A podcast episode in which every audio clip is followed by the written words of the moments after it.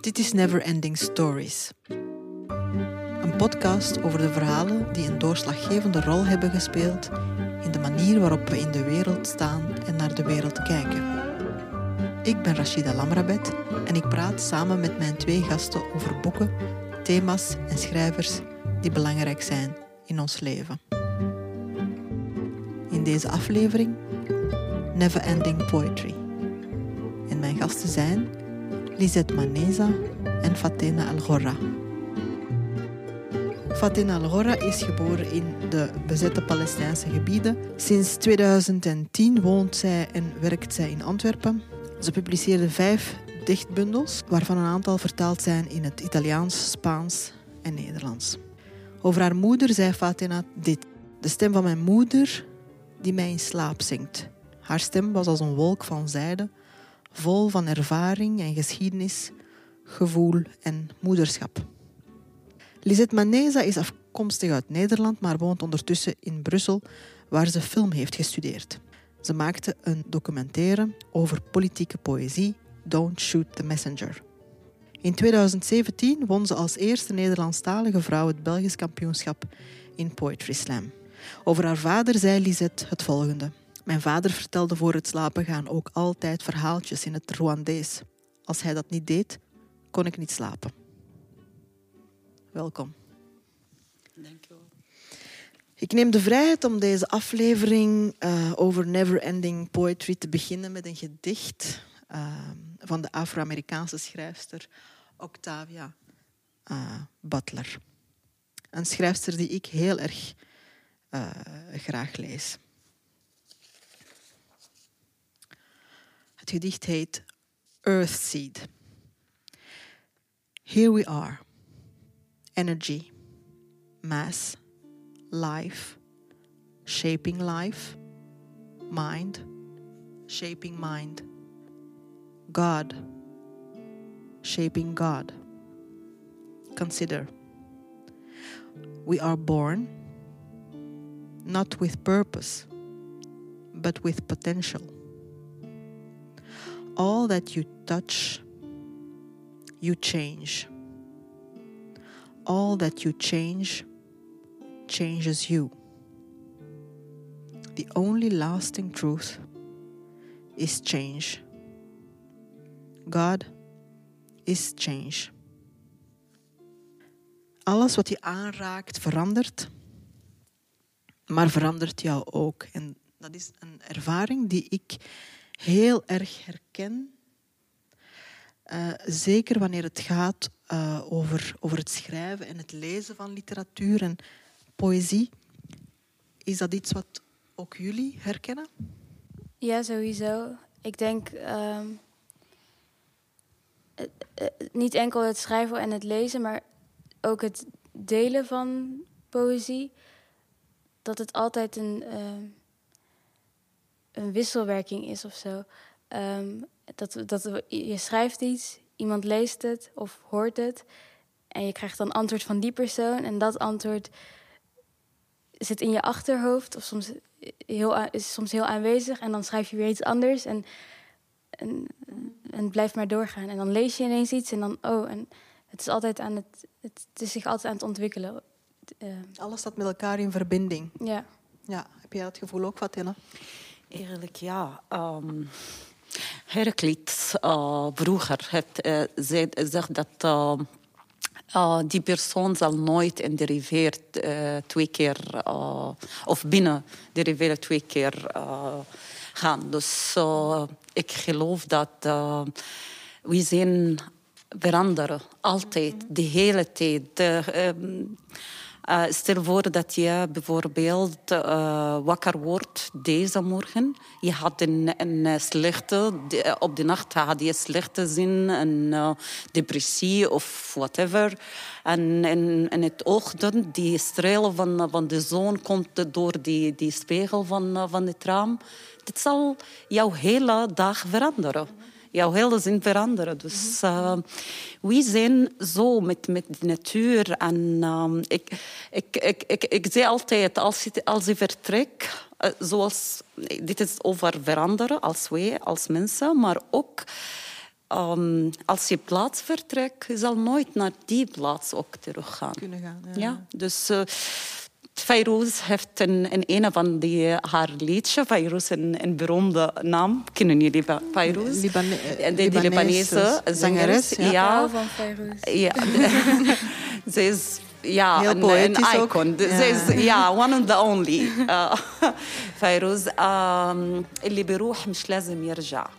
Die wie uh, vertrekt, hij moet no- nooit teruggaan. terugkomen. Dus uh, Ja, en, en Feyrouz natuurlijk, haar, haar liedteksten, dat is eigenlijk poëzie. Hè? ja, tuurlijk. Zo ben je eigenlijk ook zelf begonnen. Sorry, Lisette. dit is een stukje van die eh, theater, een van theater uh, Lulu Soyati.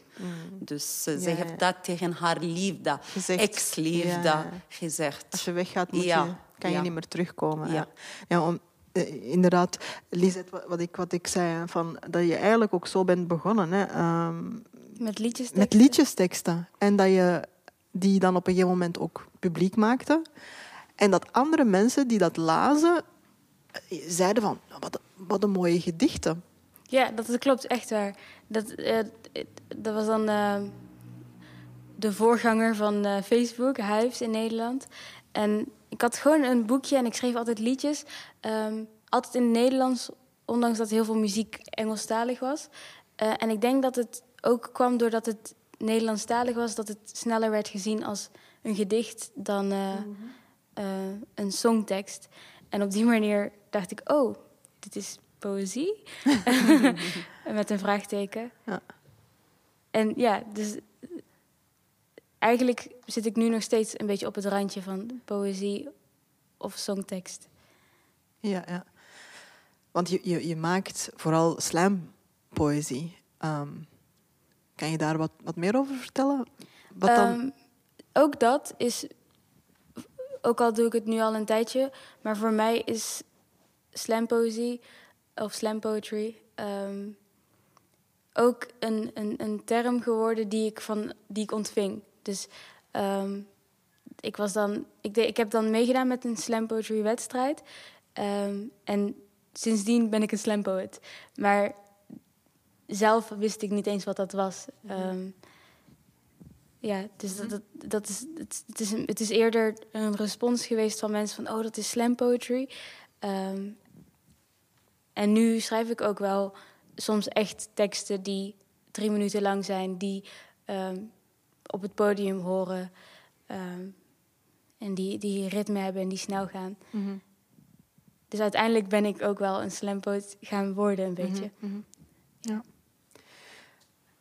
Fatina, ehm, jij zei ooit ehm, in een interview dat, ehm, dat je eigenlijk niets, niets hebt buiten je woorden. En, en, en dan vraag ik me ook af, van, kan, je, kan je leven zonder poëzie? Oh, Oké, eh, dit is een vraag ja, die ik eh, die, speel in mijn hoofd die laatste maanden misschien. Ehm, door die moeilijke situatie, die ehm, eenzaamheid, eh, die, die, ja, mijn eigen eh, situatie, persoonlijke situatie ook. eh, door die verrassen verloren van, van mijn broer, eh, waarin hij toch jong en dat gebeurt. eh, Tot, tot nu kan ik niet dat. Innige ja, deelneming trouwens. je. dus door dat, eh, alle dat, eh, ik heb die vraagje in, in, in mijn hoofd over poëzie. Is, eh, wie ben ik als ik geen poëzie schrijf, niet meer schrijf? Want die brengt ook die, die, die, die vraagje over... Oké, we zijn leven in dit, in, dit, in, dit eeuw, maar er zijn miljoenen van schrijvers in die hele leven van de mens en de, de mensenleven. Hoeveel kennen we? En hoeveel gedichten. Uh, ik heb veel vriendinnen en vrienden, netwerk. Uh, mijn netwerk meestal in uh, gedichten of journalisten. Zij hebben zijn eigen carrière, zij hebben zijn eigen boeken en zo. Oké, ik lees zoveel ik mo eh, het mogelijk, maar hoeveel lees ik echt? Hoeveel ken ik echt zijn, zijn carrière? En wat is de bedoeling hier? Eigenlijk veel vragen ehm, ik wil niet zeggen ehm, dat is uh, geen, uh, geen, um, geen zin, zin in, in, in, in, schrijven. Want ik doe het voor mezelf. Mm. En het, het begint, dit is een soort van therapie. Ik denk voor mij, dit is een soort van therapie. Ik heb dingen en ik wil die dingen. Dit is binnen.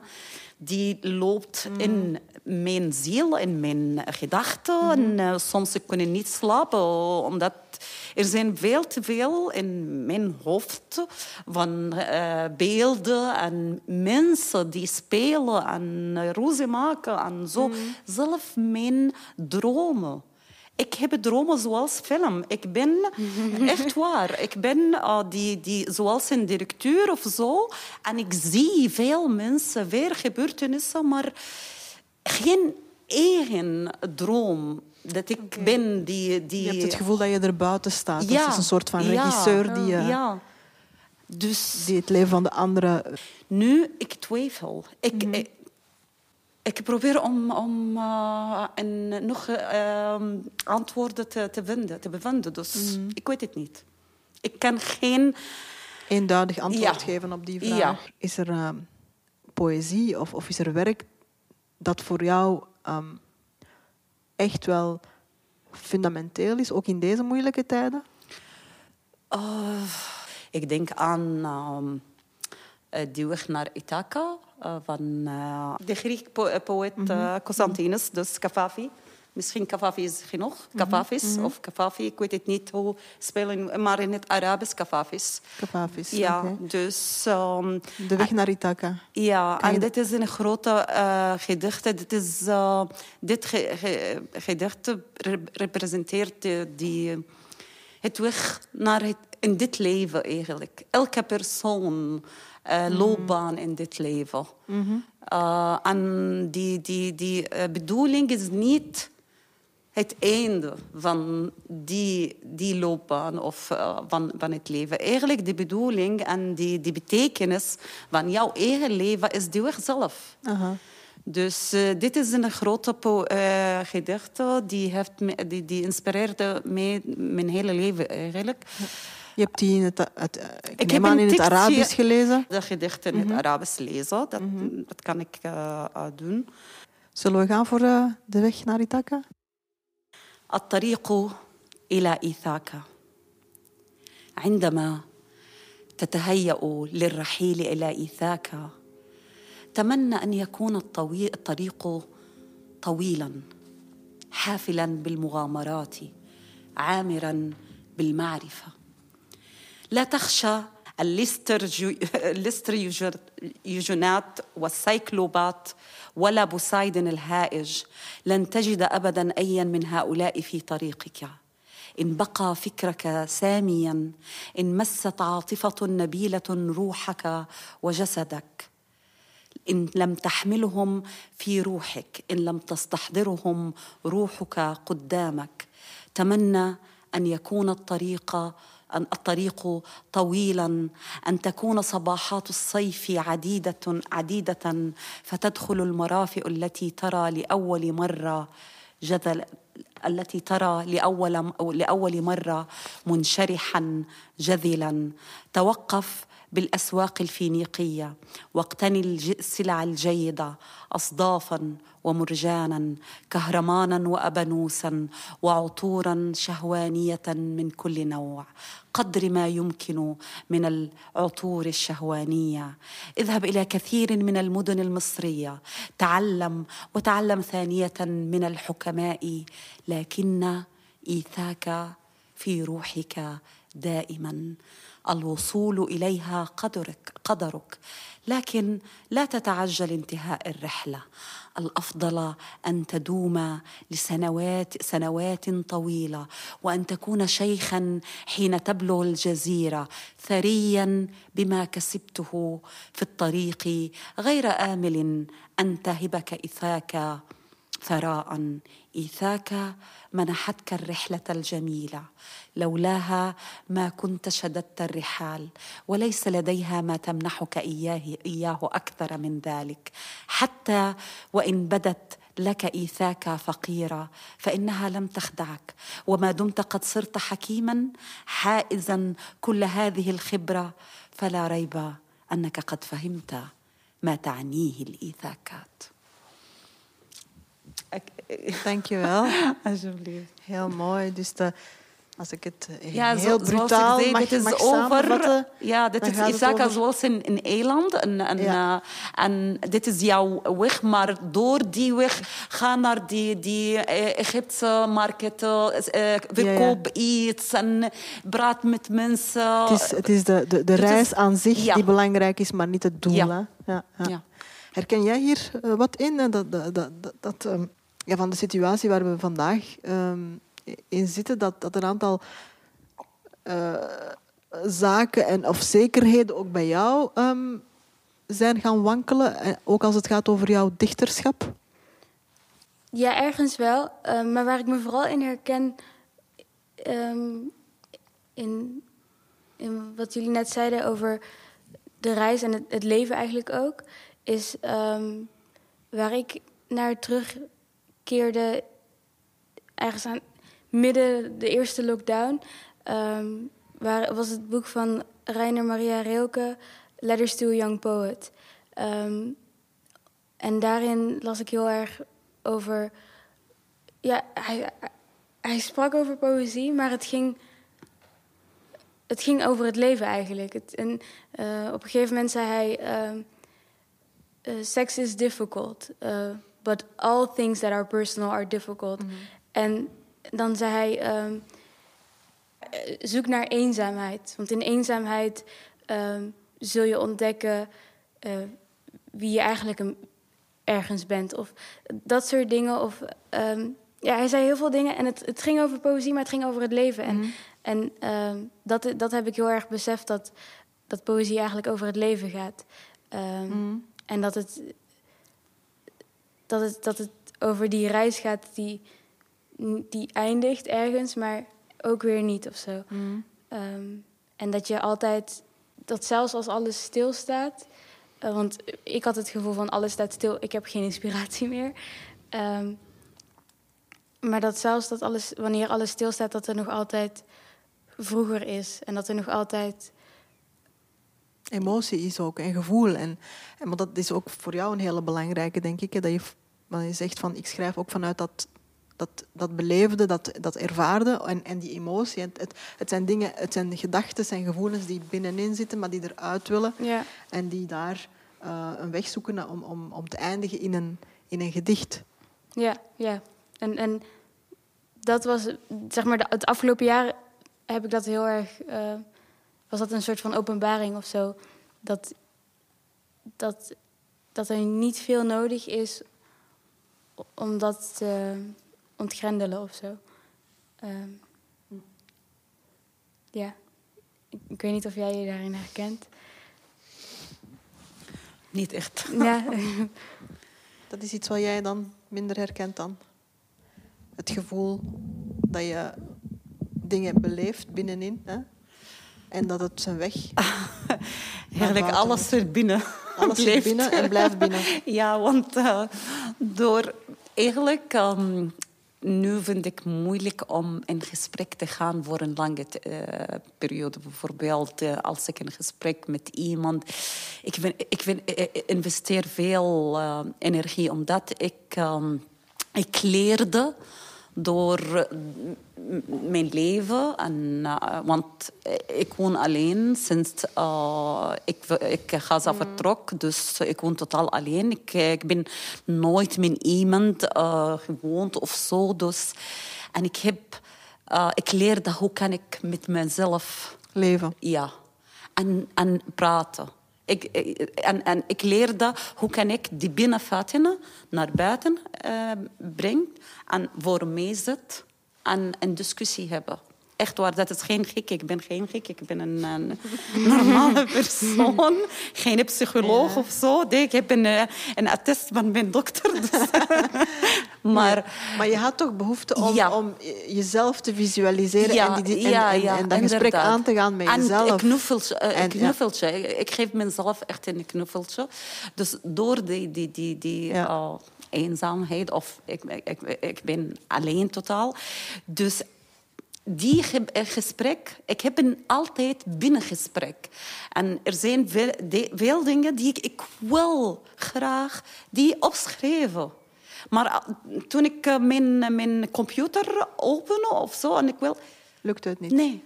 Nee, maar dat is inderdaad... Gesprekken binnen. We, we, hebben, we hebben het ook gehad over... Uh, over uh, voor deze podcast over de, de, de stilte die um, heel veel schrijfsters um, zichzelf opleggen ook. Hè. Hm.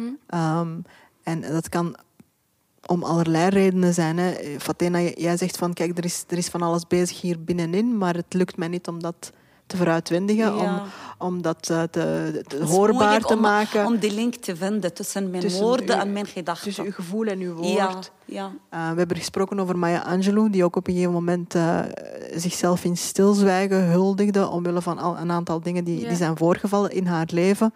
En ze heeft dus jarenlang niet gesproken.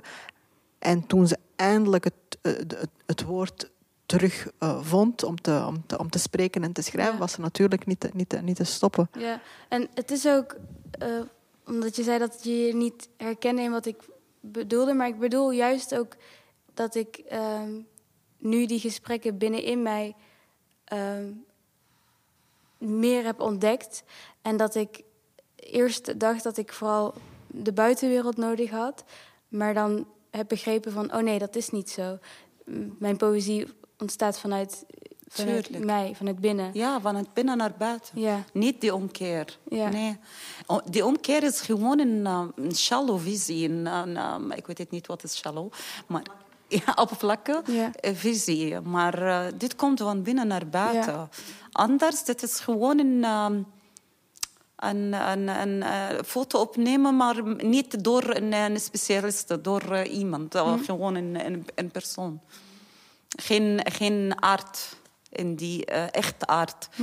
Niet zoals een, een fotografer die echt een kader neemt en die kleur en die visie. Waar hij, moet hij uh, die, uh, van, van welke aspect zal hij dit foto bijvoorbeeld opne opnemen. Maar gewoon een foto. Dit, dit is een stilte natuur. Hm. Gewoon zo.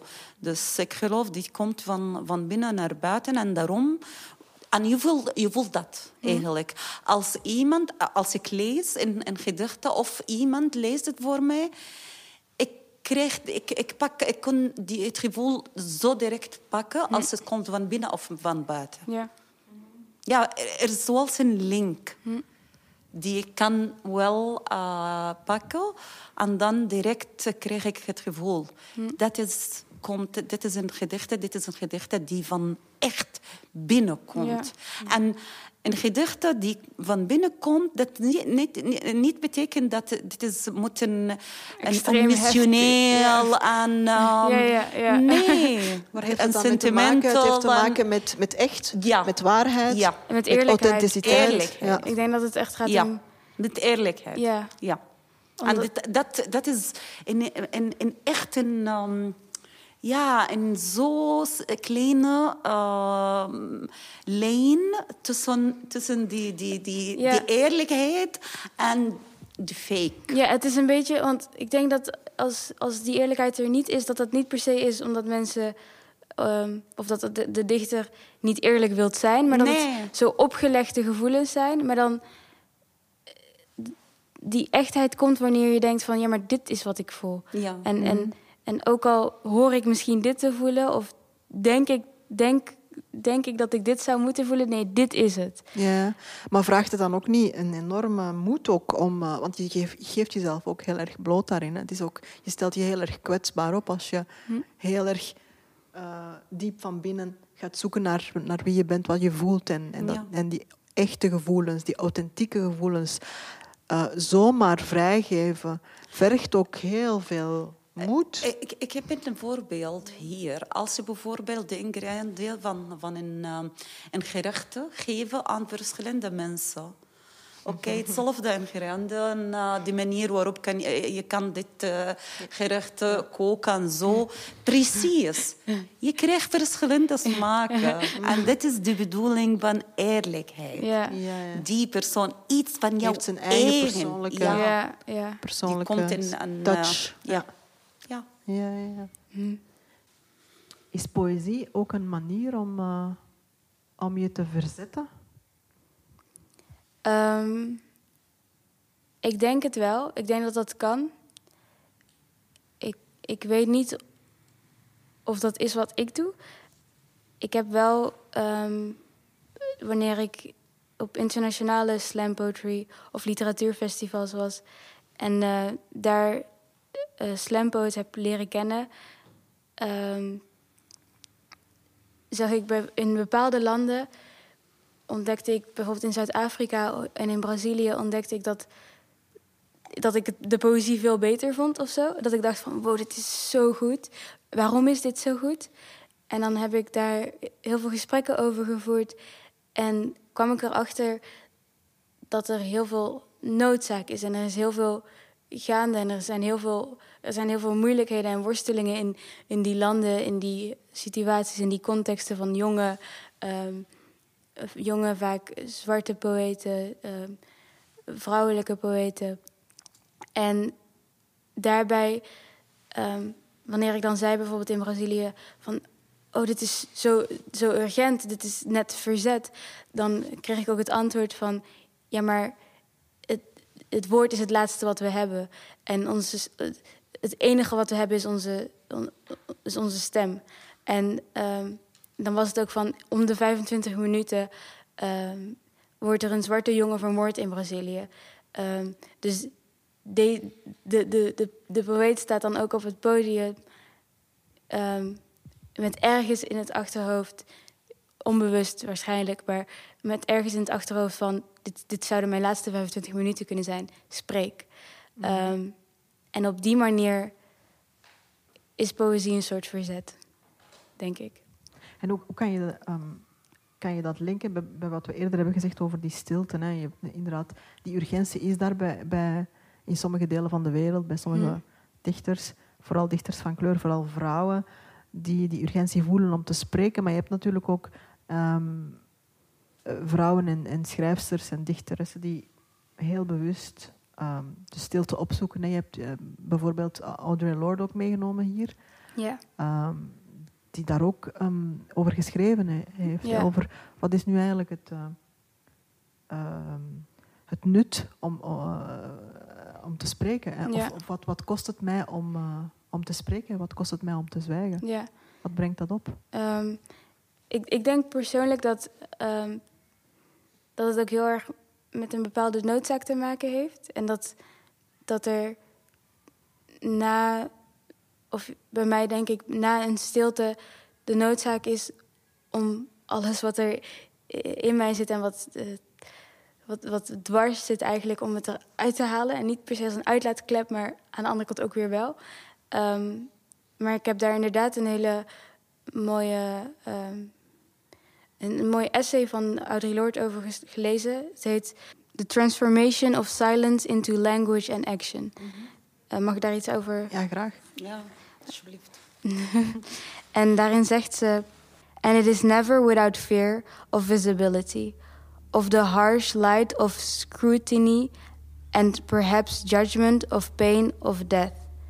But we have lived through all of those already, in silence, except death. And I remind myself all the time now that if I were to have been born mute or had maintained an oath of silence my whole life long for safety, I would still have suffered and I would still die. It is very good for establishing perspective. Ja, heel ja. mooi. Hè?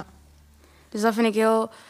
Wanneer ik dat hoorde of wanneer ik dat las, um, brak het iets kleins in mij open waarin ik dacht van dit, dit, dit, voel ik ook zo op de een of andere manier. Dat, um, ik, kan, ik kan ook niet schrijven. Ik kan ook alles voelen wat ik voel.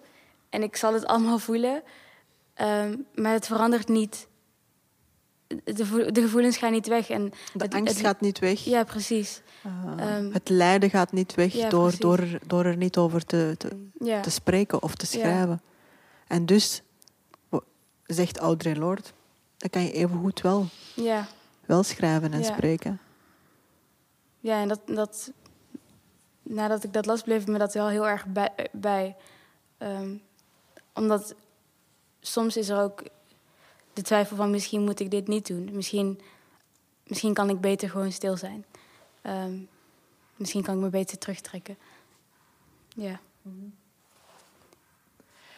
Maar je schrijft gelukkig wel door. Ja, maar ik, ben nog steeds. ehm, ik twijfel nog steeds heel vaak. En ik zeker ook ehm, met, met mijn achtergrond, dat ik van Rwandese origine ben. ehm, en ik, ik ben dan wel in Nederland opgegroeid, dus ik voel me ook heel Nederlands. Maar toch weet ik niet wat het gevaar is van het schrijven eigenlijk. En soms denk ik van, hé, hey, maar stel je voor dat ik iets verkeerd schrijf. En stel je voor dat ik iets schrijf wat ik niet... wat. Doe maar. Ja, maar ik, ik- de, de angst is er. Tuurlijk, altijd er is een Ja. angst. Maar doe maar. Eh, hoe kan je dat leren als je dat niet durft om, om, om te doen? Je moet altijd durven. Door de durven kan je eh, alles weten. Die, die, die, die waarheid komt door die ervaring, maar niet door eh, theorie. En eh, angst is een grens. ja, Als je dat, eh, springt op, over die eh, grens, dan misschien die waarheid is echt te kleiner dan wat je verwacht of wat je dacht. ja, ja, maar het, het, Of groter. het is er wel. De worsteling is er wel. Ik, Ja. ik stap er meestal overheen, maar toch dan... Als ik er overheen ben gestapt, dan wil ik weer terug. Ja, we, we, we zijn bang van alles. Ja. En ik, ik voel altijd bang. Ik, ik ben nu, nu die eh, dagen, ik heb die bang als ik wil, ik wil schrijven. Ik Ja. heb dingen hier en ik wil, en ik heb bang. En ik, ik, ik raak die, die, die, die eh, keyboard niet eh, Hm. want, door mijn bang. Maar toch, ik weet dat op een moment zal ik mijn, mijn, mijn angst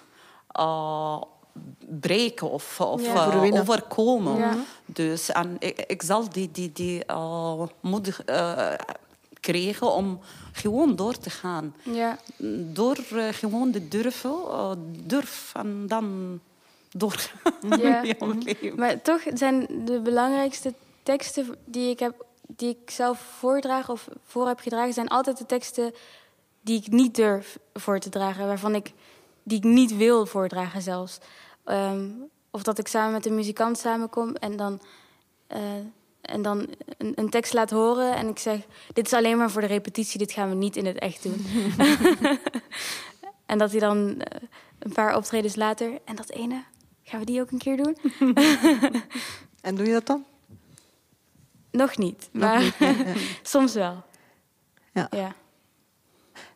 Kan je, kan, je, kan je voor ons eh, vastnemen of vastpakken wat, wat dan eh, die, die angst... eh, Omdat het echt voelt als, als, het, als het doorbreken van een stilte. Het voelt Ja. echt als, als iets wat ik mezelf heel vaak heb verteld... waarover ik kan spreken met mijn allerbeste vrienden. En tot daar. Ehm, en dat ik ook zoiets heb van... ach, jullie hoeven dit niet te weten. of eh, dat ik zelf gewoon bang ben van... oh, maar klopt dit wel? Of weet je, dat ik ook een paar jaar later terugkijk naar een paar gedichten van mij en denk van hier ben ik het helemaal niet meer mee eens. En dat is misschien ook de schoonheid ervan. Eh, maar het is wel heel beangstigend, denk ik. Ja. ja. Zijn er eh, andere dichters waarvan je zegt van... Die zijn, waar, je, waar je kan lezen dat, dat zij ook diezelfde worsteling doormaken, maar, maar het dan toch, toch maar doen? Ja, ik heb één poet en haar naam is Emmy Mahmoud. En zij komt uit Sudan, denk ik. En zij woont in, in, in, in Amerika, in de Verenigde Staten. En zij, zij schrijft hele persoonlijke teksten... ehm, die ook gaan over Darfur, over ehm, ehm, het overleven van een oorlog. Die gaan over haar moeder ook. Ik schrijf ook vaak over mijn moeder. En dan met de Rwandese context, genocide. En ik, ik ik, voel, ik voel bij haar die urgentie ook en die noodzaak om, om zoveel te zeggen. En het, en het past allemaal in drie minuten en het is heel heftig. En ze zegt ook in een, één gedicht ehm, de, de angst of het twijfelen van wat, wat er nog mogelijk is om te zeggen in een microfoon en wat niet. En, en met, met in dat gedicht heeft ze daar dan ook over. En je voelt dan bij al haar andere gedichten dat ze heel veel, heel veel zegt in, in, een, heel, in een hele korte tijd. Ehm, maar toch ergens ook weer niet. Omdat ze nu ook een tijd niet meer, niet meer ehm, op het podium staat. Heel weinig in ieder geval. En dat ze meer uh, vrijwilligerswerk doet of uh, werk met vluchtelingen ehm, in Sudan. En, maar dus ook omdat ze nu niet meer zoveel deelt en ze is helemaal niet actief op social media, voel je ook haar stilte. En ja, dat, dus daarin herken ik die. Die, die, worsteling. Ja, inderdaad. Mhm. En mag ik misschien nog iets voorlezen van Audrey? Tuurlijk. Oké. En dat gaat over. Omdat ik denk dat die stilte soms ook. Ja, het kan, kan het kan vanuit alles ontstaan, denk ik. Um, maar Audrey schrijft ook in een andere essay over het verschil tussen pain en suffering. Dus ik denk pijn en lijden. Pijn en lijden.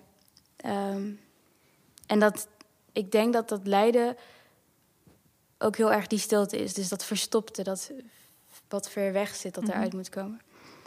Oké. Okay. There is a distinction I am beginning to make in my living be between pain and suffering.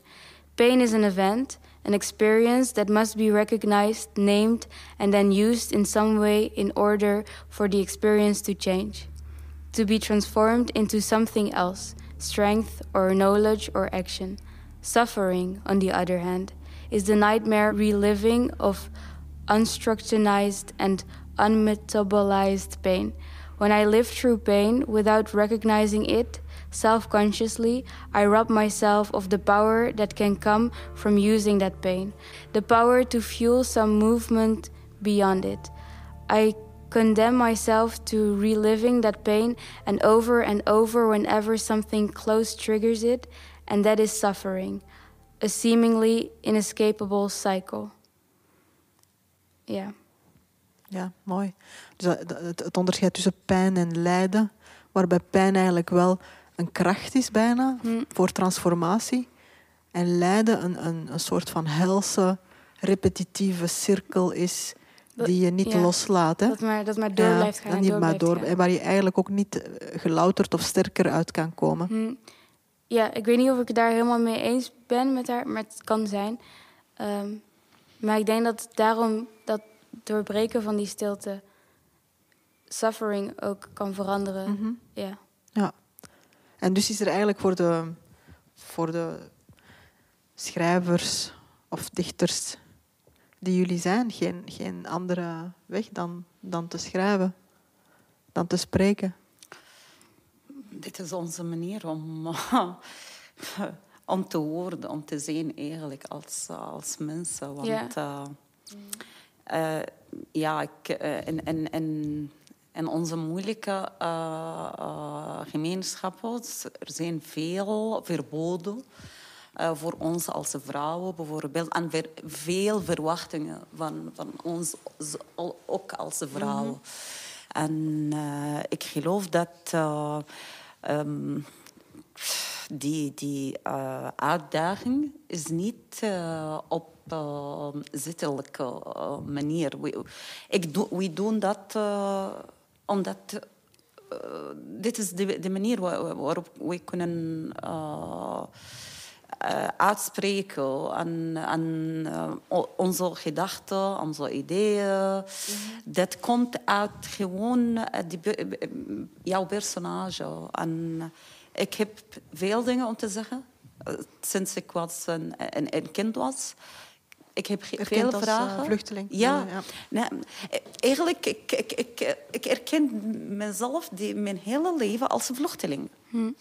Ja, ik gebeurde als een vluchteling. Dus eh, zelf in, in Gaza. Want eh, onze, onze dorp is, is niet in Gaza, buiten Gaza.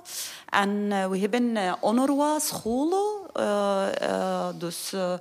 eh, eh, en in mijn uh, uh, geboorteakte staat uh, die situ- status vluchtelingen. Dus door, ja, die, die, die, ik wist dat, wat is de bedoeling, dat wist ik niet uh, tot ik uh, uh, naar de school voor de eerste keer ging. Dan uh, be, be, besef ik dat uh, mijn, mijn uniform is iets anders dan de andere meisjes. Mm. Er zijn meisjes op straat die andere uniform uh, opdragen.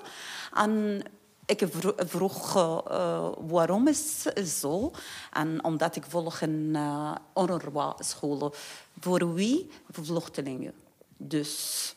Mm -hmm. ik, ik, dit, is, dit is een andere soort van uitdaging eigenlijk. Het is een mm -hmm. dagelijkse uitdaging. Want ik wil altijd in mijn eigen huis, mijn eigen plaats mm -hmm. vinden.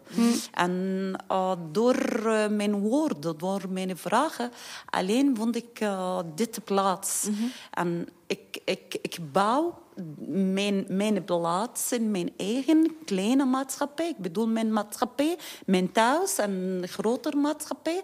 Door vragen te stellen en uh, die slagen accepteren van het maatschappij. Want dat is niet... Uh, ja.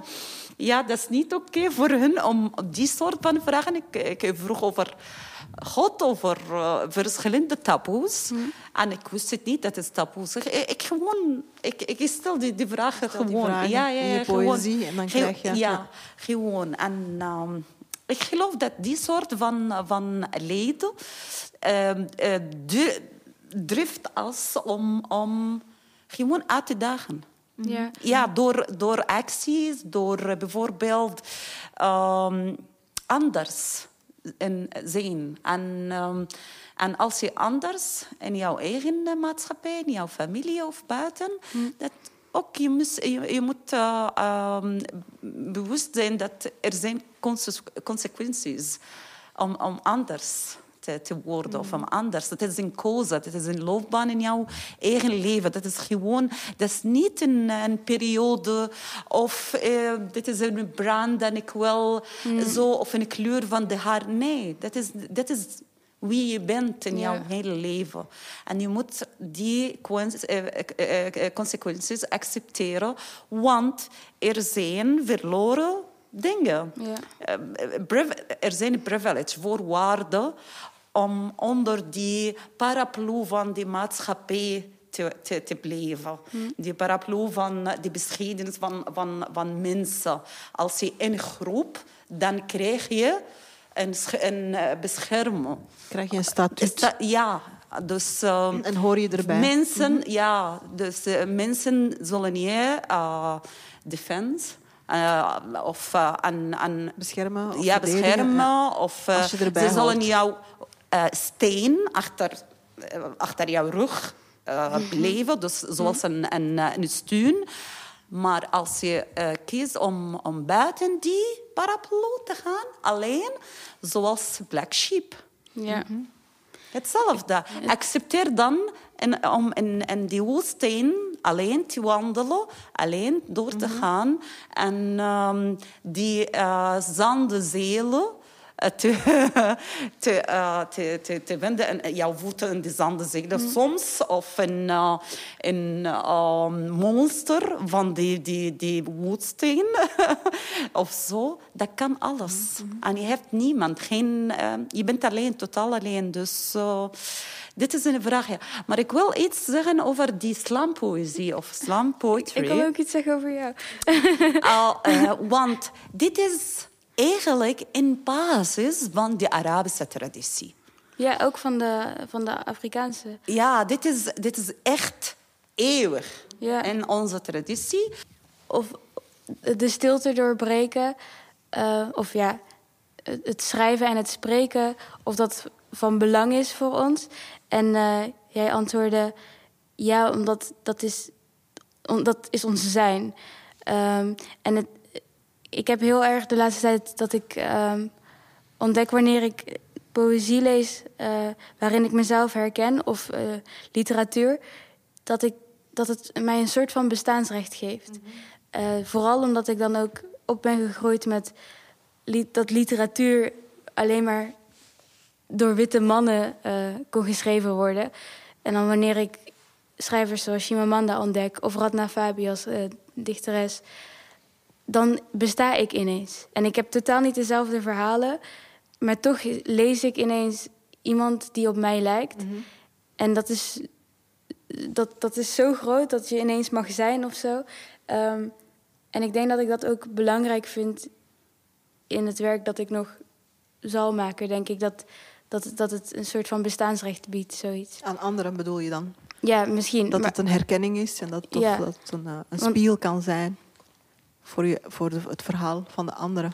Ja, want dat is wat ik zelf uh, veel beleef wanneer ik uh, lees. Of, ja. Radna Fabias is, is heel belangrijk voor je. Radna Fabias is een Nederlandse dichteres die uh, met haar bundel Habitus, haar debuut, verschillende prijzen heeft gewonnen. Onder andere de Herman de Koningprijs vorig jaar. Um, waarom is het werk van Radna Fabias zo belangrijk voor jou?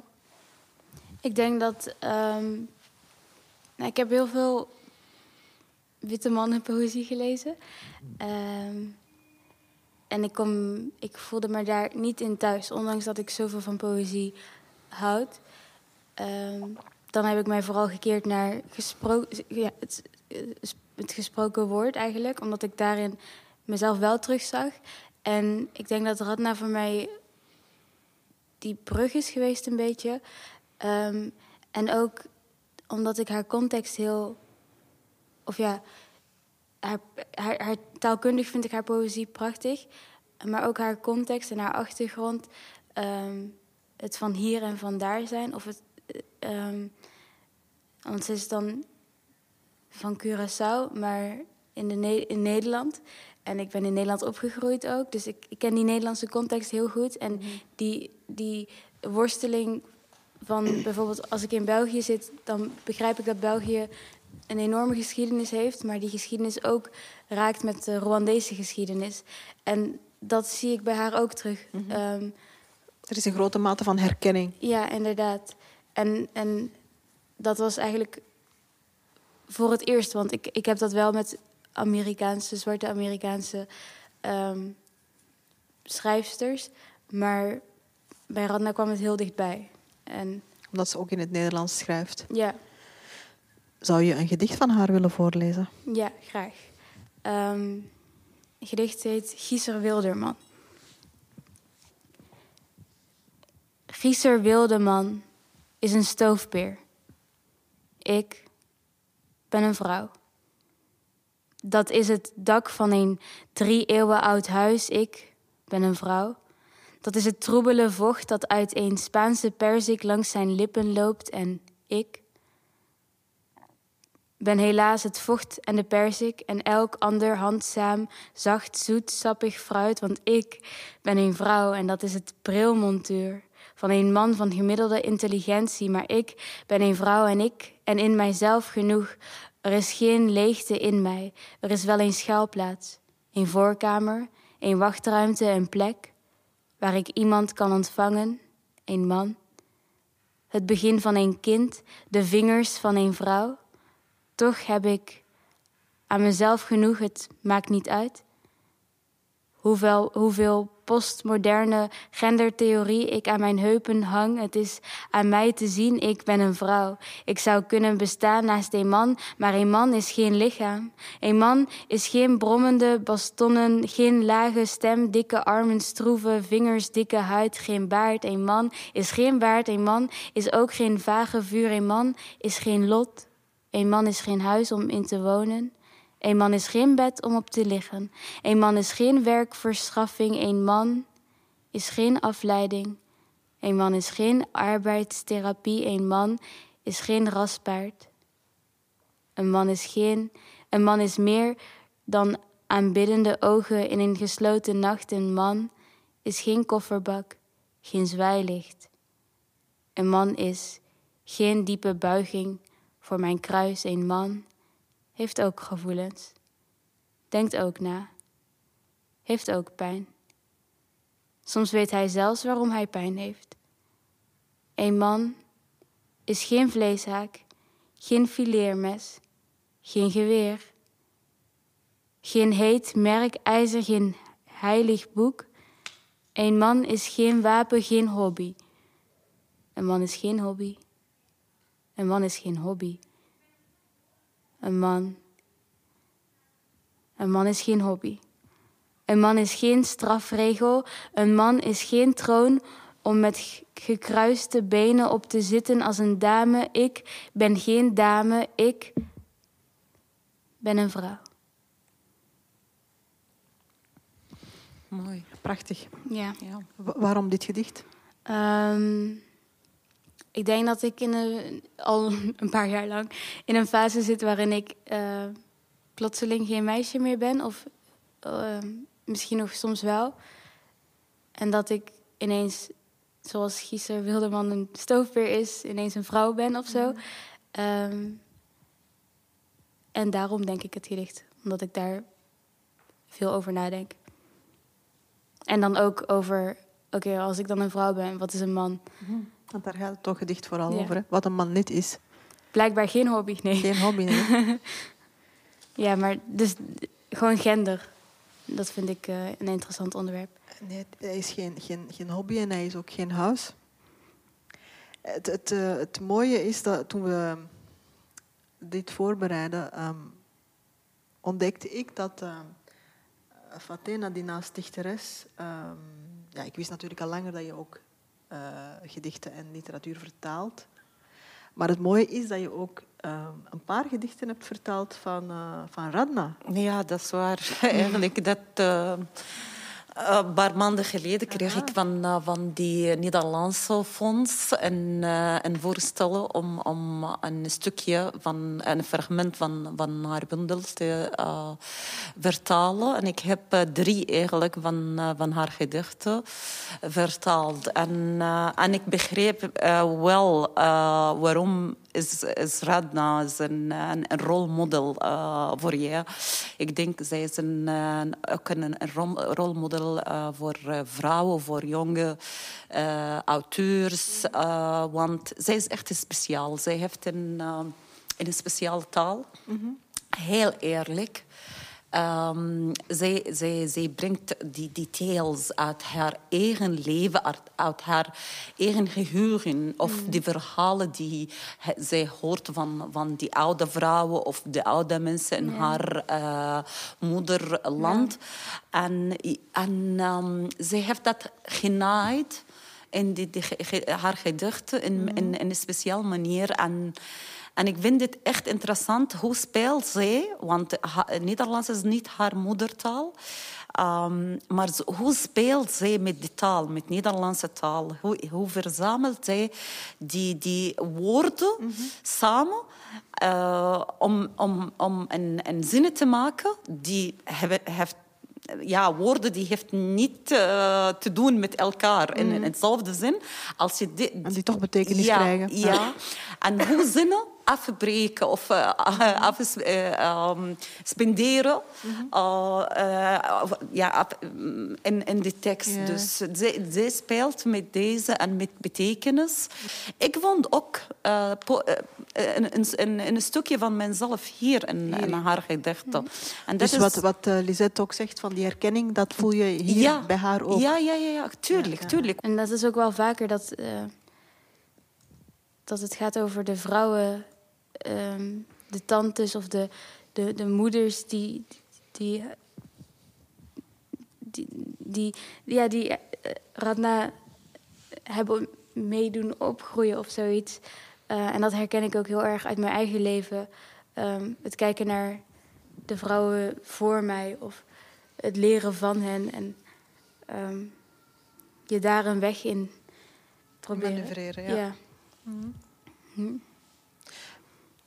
Vrouwen hebben een, een belangrijke rol ook gespeeld in jouw leven. Je, je zei eerder dat, dat je ook heel vaak over je moeder uh, schrijft. Hm. Um, is er een gedicht dat je met ons kan delen dat, dat je over je moeder schreef? Ja. Of waar, je, over, waar het over je moeder ging? Um, Oké, okay, ik, ik, ik, ik, zal ik er stukjes uit doen? Graag. Okay. Voici l'histoire de la petite sœur. Qui avait de la douleur dans son cœur, het kleine zusje. Dat haar mama troosten wou, maar niet wist dat ze Rwandese moeders niet troosten kon. Het begon tussen Congo, Burundi, Tanzania en Oeganda in Mamma Mia. We gaan Rwanda in. Het troosteloze, dakloze, duizend doden weer, duizend doden meer dan duizend doden Duits-Afrikaans Oosten en ik ben de dochter van de vluchteling. Ik ben in Nederland geboren, toch in Afrika gemaakt, net te laat. Ik ben een Afro-Europeaan. Um, en dan vertel ik nog iets verder over mijn eigen identiteit misschien. Mm-hmm. Mijn eigen worsteling tussen in alle landen, um, van hier en van daar zijn. En op een gegeven moment um, zoom ik eigenlijk in op een, een herinnering van mij dat ik in de woonkamer zit en mijn moeder zegt: Ja, ik stop met tellen. Want ik heb te veel mensen verloren. Um, we zitten in de woonkamer. En mama huilt in het Afrikaans, stil en bescheiden. En tussen haar tranen door laat ze getallen vallen. Rimwe, Kawiri, Gatatu, Kane, Gatano, Gatano, Tukaringu, Munani, Chena, Ichumi, mama. Mama, mama, wavuye munambara. Mama, je bent de oorlog uitgekomen. Arikose, Arikose, Inambara, Izaku. Vama, maar komt de oorlog uit Rimwe. Kabiri, Gatatu, Kane, Katanu. En dan stopt ze met tellen. Ze heeft zoveel mensen verloren dat ze het niet wilt weten. Mais c'est l'histoire de la petite sœur. Qui avait de la douleur dans son cœur. Elle a pris sa peau, comme un gâteau. Aardappeltjes schillen deed ik, op mijn huid plooien. Dit is het verhaal van de Rwandese moeder die haar dochter troosten wou. Maar niet wist dat zwarte meisjes die wenen in witte talen niet te troosten zijn. Prachtig. Dankjewel. Dat komt ook heel, van heel erg diep. Ja, het is ook echt. Ik weet niet, het, het gedicht was er ineens. Maar het was wel iets waar ik jarenlang over wilde schrijven of zo. Ja. Mm -hmm. en, en dan wanneer het, het kwam, wist ik ook gelijk waar het over ging of zo. Of zag ik gelijk de, de momenten terug of zo. Als, als een camera. Mm -hmm. Ja. ja. Hebben mensen die, uh, die de gruwel van, uh, van de genocide in Rwanda meegemaakt hebben, dit gedicht gehoord? Ja, mijn uh, familie zeker. Um, en dat was tijdens. Ik, ik, heb dan meegedaan met het Belgisch kampioenschap, slam poetry. En dan daarna was er het Europees kampioenschap. En dan op die dag was ik ook jarig toevallig. Toen werd ik twintig. En iedereen was super trots en blij. En iedereen wilde komen. En oh, we gaan haar verjaardag vieren. En het was super leuk natuurlijk.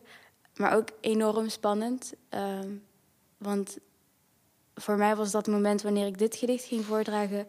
ging het helemaal niet meer over de wedstrijd... maar ging het over mama en papa zijn hier.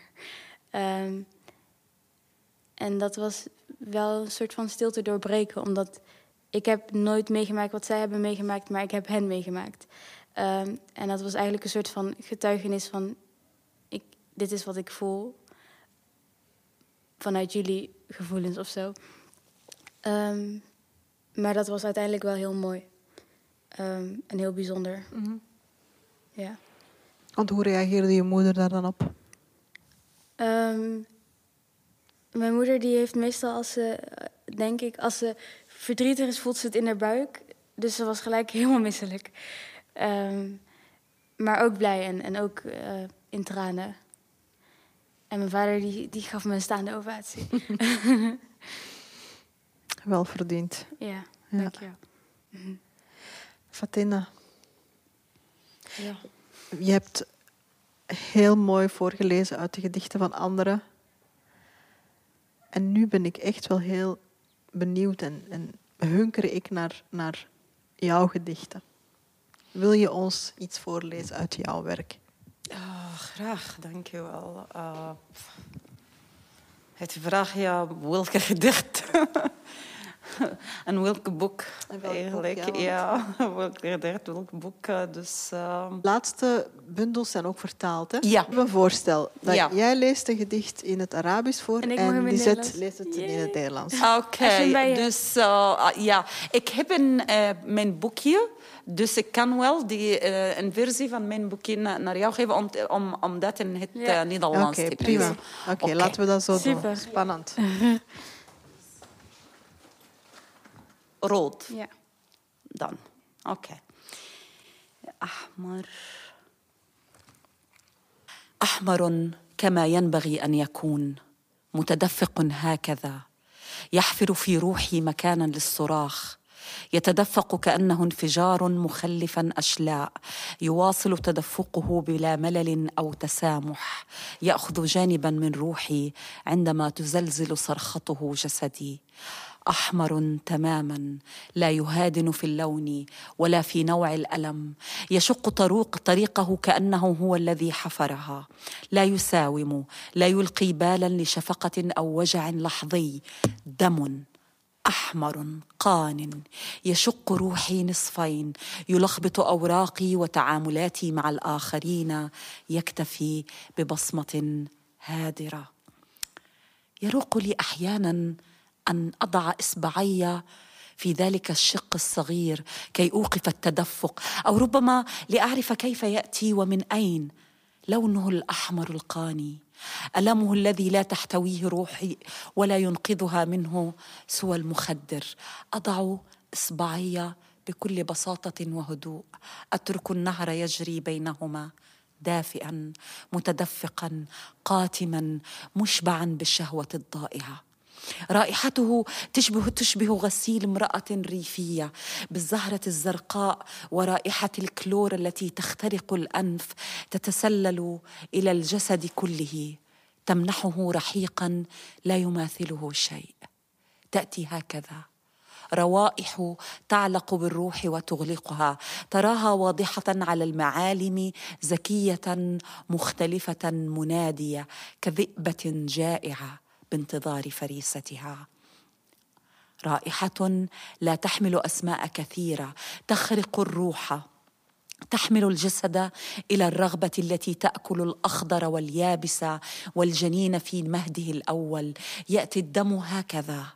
بلون يحير الرسامين في تركيبه بملامح تتشكل على الوجه وفي الجسد لا يدركها إلا خبير.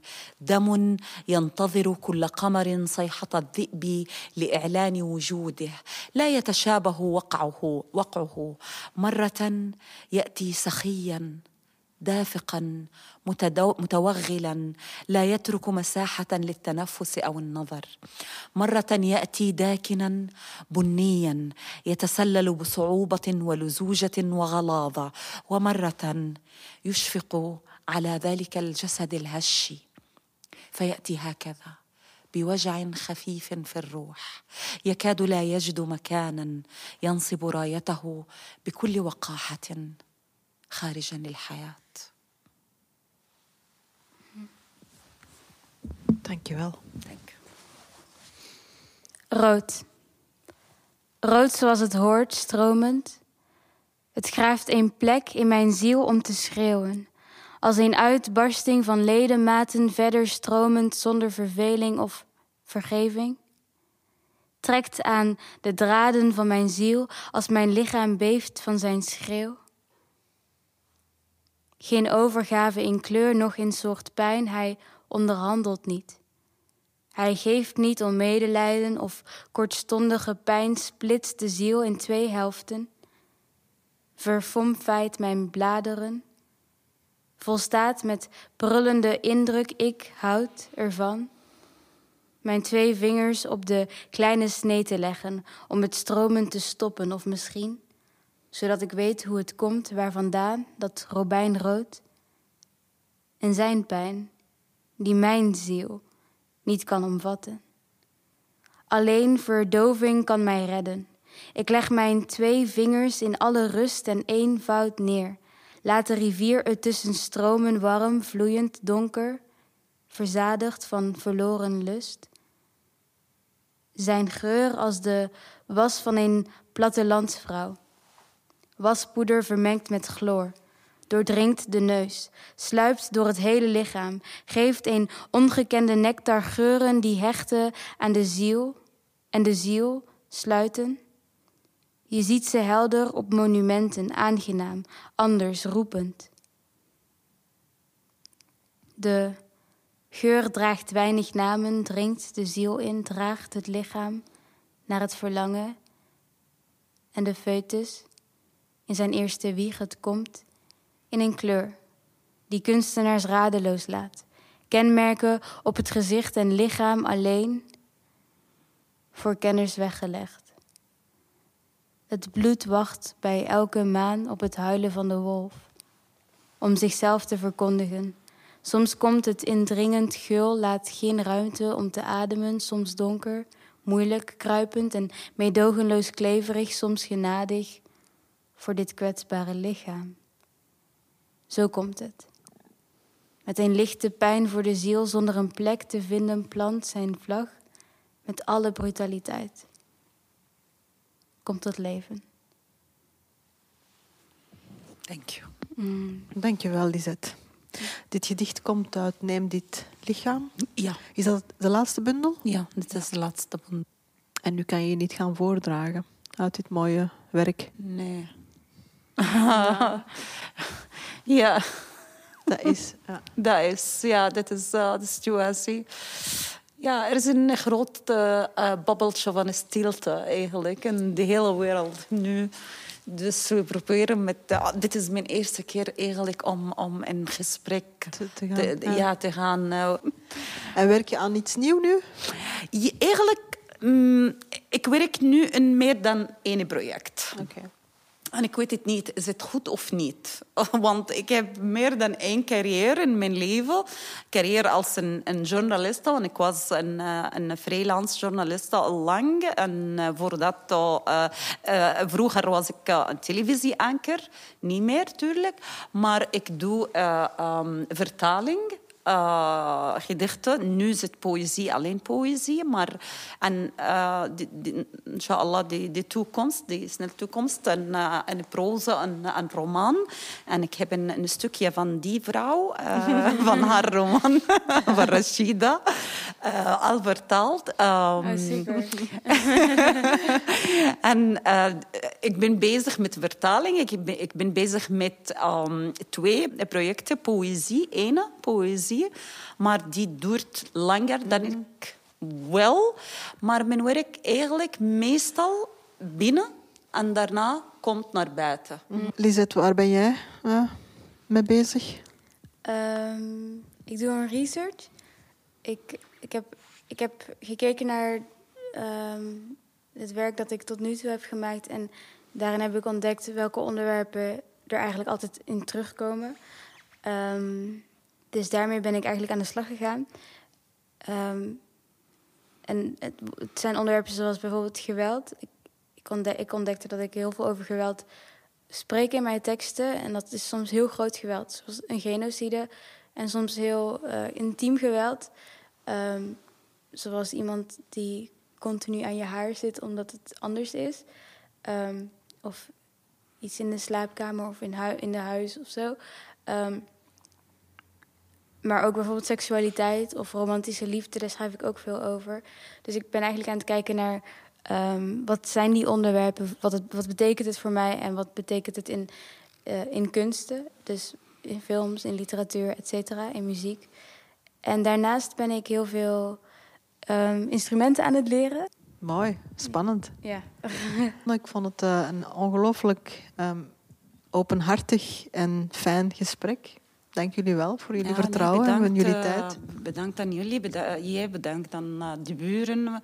ja. Ik verwacht dat niet eh, zo simpel en zo van hart, zoals je zegt. Uh, dat was gewoon als wij op een tafel in een, op een café gewoon zitten en praten over alles. Dus, uh, en dit is gezellig, echt Ja. waar. Ik vond het ook heel fijn, dankjewel. Dit was het einde van de aflevering. In deze podcast hoorde je fragmenten van Octavia Butler, Audre Lorde, Cavafis en Radna Fabias. Met muziek van Feyrouz. Volgende keer hebben we het over Be a Lady, they said. Over de vaak tegenstrijdige en onmogelijke verwachtingen die opgelegd worden aan vrouwen en meisjes.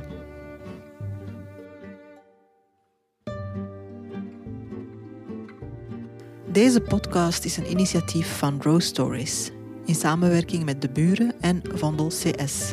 Met de steun van de gemeente Amsterdam-West, het Nederlands Letterenfonds en Literatuur Vlaanderen. Deze aflevering werd opgenomen bij de buren in Brussel en is geproduceerd door Jelena Schmitz met behulp van geluidstechnicus Paulo Rietjens. Meer informatie over Neverending Stories kunt u vinden op www.rosestories.nl.